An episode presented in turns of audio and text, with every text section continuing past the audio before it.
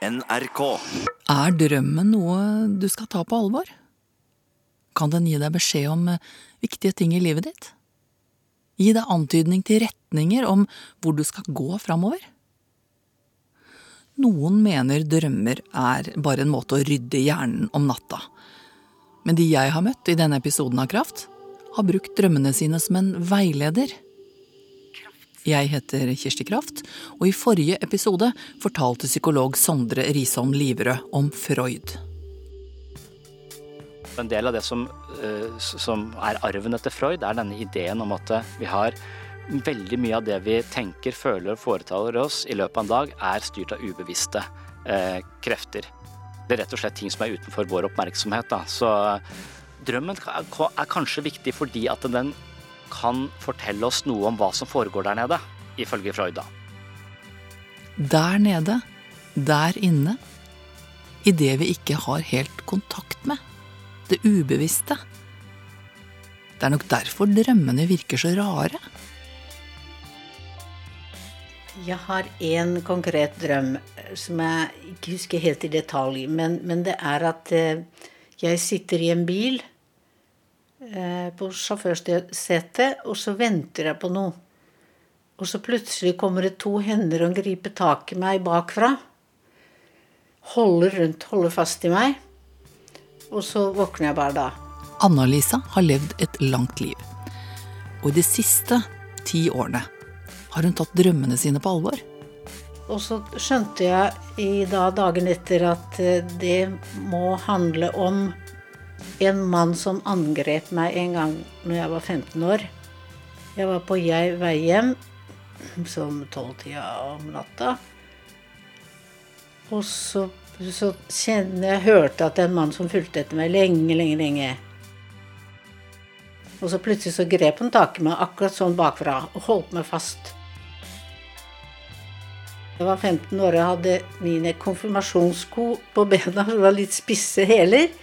Og jeg banket og dunket en hælen i skinnleggen hans og foten hans, og så slapp han tak i.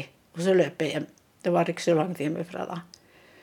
Og så gikk jeg da hjemme Jeg liksom tok sånn eh, en slags rollespill. At jeg lot som han mannen var i rommet hos meg. Og så banket jeg og skreik og dunket og sloss med han og sa 'vekk ut', jeg vil ikke ha det her. Og liksom ga han skikkelig på trynet og sparket og alt. Og så, natten etter, så kom liksom nesten samme drømmen. Og så kom de hendene igjen.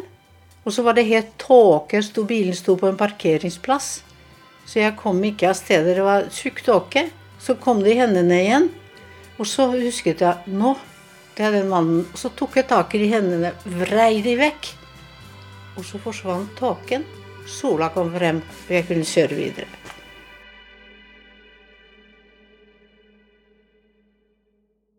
Var sånn veldig konkret hvordan den handlingen, selv om jeg ikke aner hvem den mannen var, hvem det var, men jeg bare liksom skyggebokset med han og kastet han ut av livet mitt. Og så forsvant tåken.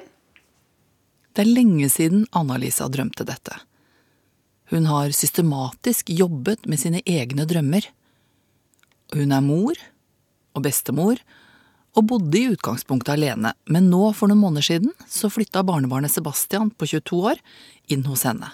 Du vet sånn studere, spare penger, og så er det veldig hyggelig og lærerikt også. Hender det at dere snakker om drømmer sammen?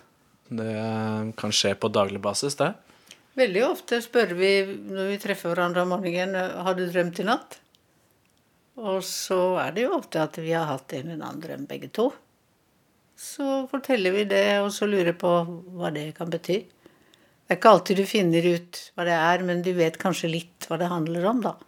Hvorfor er du blitt interessert i dette, Sebastian?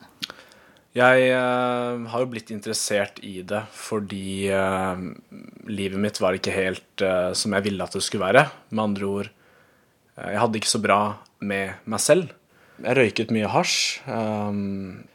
Så har jeg jo sett på bestemor hele tiden at hun har gått fra eh, å være mindre sterk til å bli sterkere og sterkere og sterkere og sterkere opp gjennom årene. Eh, og det gir jo inntrykk. Det gjør meg trygg på at det hun driver med, er riktig. Fordi det hjelper. Det jeg vet, var at eh, drømmene mine pratet veldig mye om mitt forhold til min egen far. Um, så etter hvert så jo, handlet jeg på det. Pratet mer med han og fant ut av hvem han var som person. Og eh, det er noen drømmer som eh, eh, du tenker at det er bare tull og tøys. Eh, du ser ikke noe sammenheng. Men eh, for oss så er det mer enn det. Det er spesielt for deg da, Anna-Lisa, å ha et barnebarn i huset som åpner dagen med å snakke om drømmene sine. Det er det, og det setter jeg veldig pris på. Og vi har jo vokst opp, eller han har vokst opp i generasjonsbolig hvor vi har liksom sett hverandre sånn mer eller mindre daglig. Så det er blitt sånn ganske naturlig forhold mellom oss. Så det har vært helt greit å snakke om Vi har alltid snakket om livet sammen. På et bord på soverommet til Anna-Lisa ligger det en stor bunke med bøker. Det her, det er ikke få. Jeg har enda flere. Nå skal ikke jeg drive og lese dine Nei, drømmer, men jeg skal bare bla se- litt. Du kan se hvordan jeg gjør det. Du ser at jeg har sånne gule lapper her. Jeg har sånne koder. Det er drømmebok nummer 20. Her står det Barn, blomster. Hva står det der, da? Hva står det der? Jeg har ikke briller på meg. Rotte. Rotte. Eh, indiske kvinner. Øy, trikk. Og trikk. Men dette Det er sånne er, koder. er det her bøker du har eh, skrevet Skolestart. helt siden du begynte, eller? Ja. Ja. Da har du på en måte en tidslinje her, faktisk, fra Se der, ja. Bjeller. Jeg vet ikke hva Skal vi se hva som står her. Menneskelige figurer som ligner Ja, nei, jeg skal ikke si hvor det var en kjent person. Er det noe du tenker er pinlig at andre ser i disse bøkene? Egentlig ikke. Man trenger ikke være redd for å vise sin person eller personlighet eller åpne opp. Jeg er i hvert fall ikke noe redd for å bli avslørt. For det er det man gjør i ved drømmer. Du blir avslørt. Alle dine svakheter og styrker. Så hvordan har dette da endra livet ditt på noen måte? Jeg har gått fra å um, ruse meg mye til å ikke ruse meg. Um, jeg har kommet tilbake inn på skolen, som jeg droppet ut av.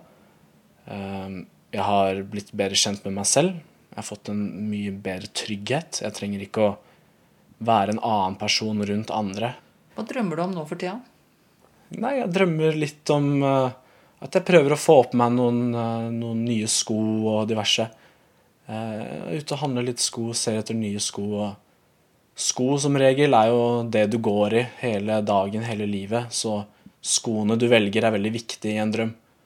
Så det er klart at eh, jeg prøver å finne en ny meg selv, et nytt par med sko som jeg kan tråkke i og gå i, som er mer behagelig enn de forrige. Når Sebastian sier at uh, han har sett en bestemor som har gått fra å være et litt forsiktig menneske til å bli et mye sterkere menneske, har han sett riktig? Ja, det må jeg si. Fordi jeg føler at jeg i dag så tør jeg si det jeg mener, og stå for det. Og er mye sikrere på Jeg har fått mye mer selvtillit. Jeg, jeg er blitt kjent Jeg vet liksom hvem jeg er. Jeg kjenner mine reaksjoner. Og så kan jeg korrigere om jeg gjør noe gærent, men, men jeg, det er noe med den der selvinnsikten jeg har fått.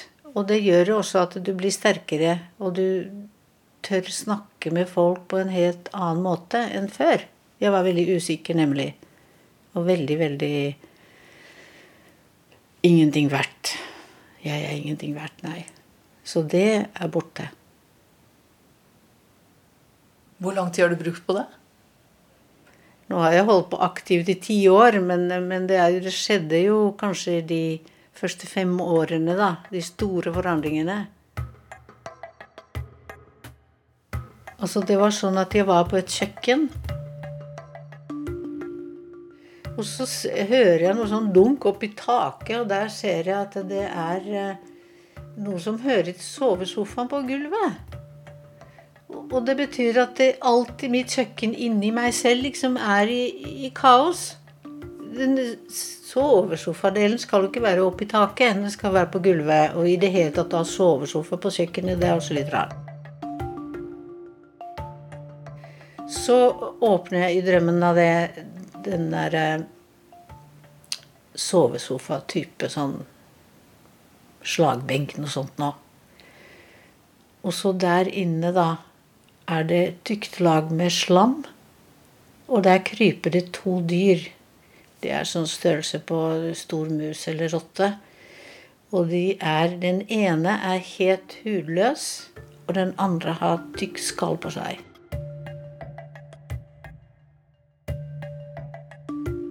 Jeg forstår da at de to dyrene er et bilde av meg selv. Og den ene hudløse, den er veldig sårbar. Og den andre som har tatt på seg skallet, det er den andre siden av meg. Som ikke, som ikke tør komme ut. Som bare er der. Det falt faktisk samtidig eh, den tiden jeg fikk brystkreft. Og så husker jeg at hver gang jeg var på strålebehandling, så visualiserte jeg de to dyrene, og så trampet jeg de hver gang. Nå skal dere klemmes i stykker! Vekk med dere! Og de forsvant til slutt, da.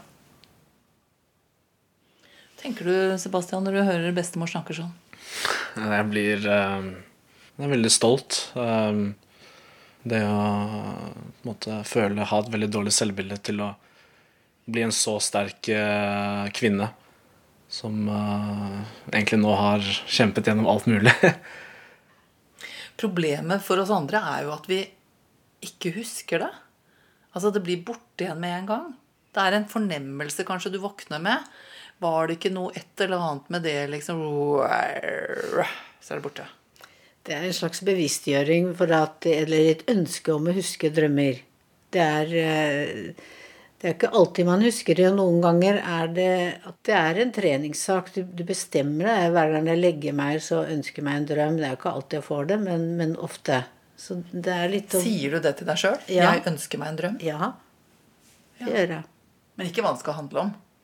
Nei, det, det gjør jeg ikke. Men det kan hende hvis det er noe som har skjedd den dagen, så kan du liksom spørre drømmen hva betyr det? Hvorfor skjedde dette?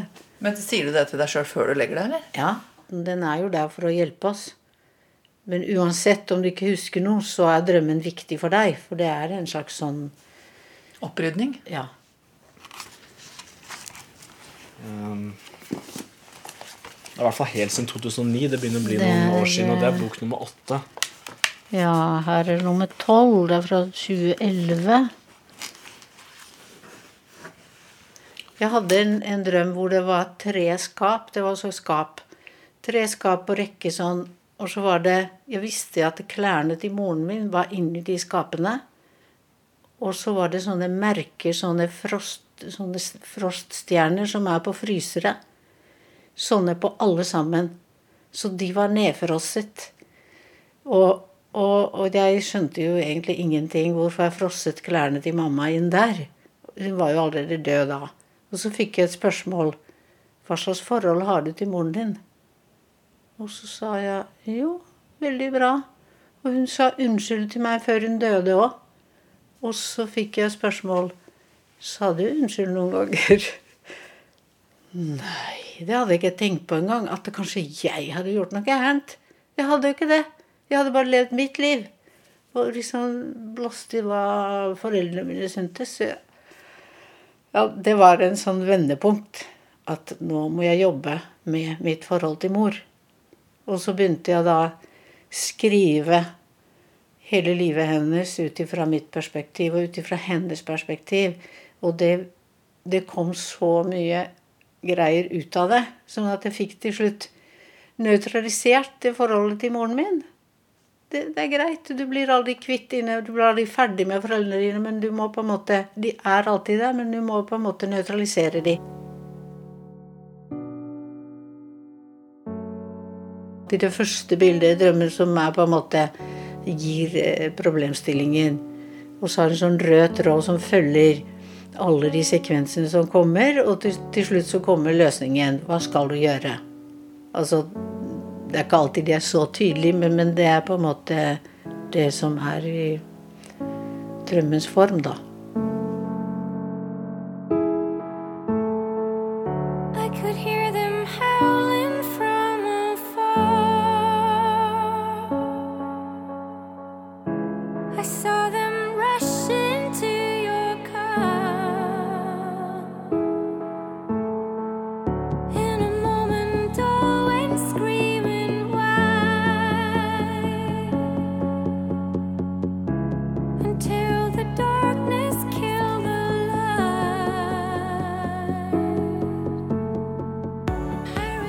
Drømmen har vært en slags sånn egenterapi i mange år om natta.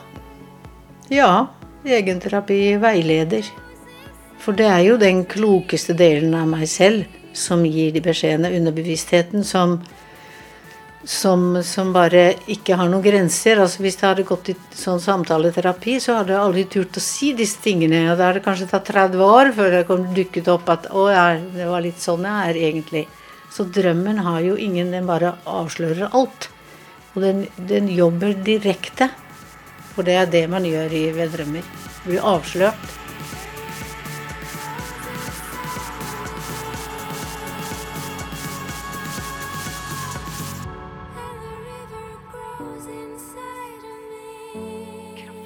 Kraft. Jeg heter Kirsti Kraft. Konsulent er Hege Dahl. Og vil du skrive til Kraftredaksjonen, er adressen kraft krøllalfa nrk.no.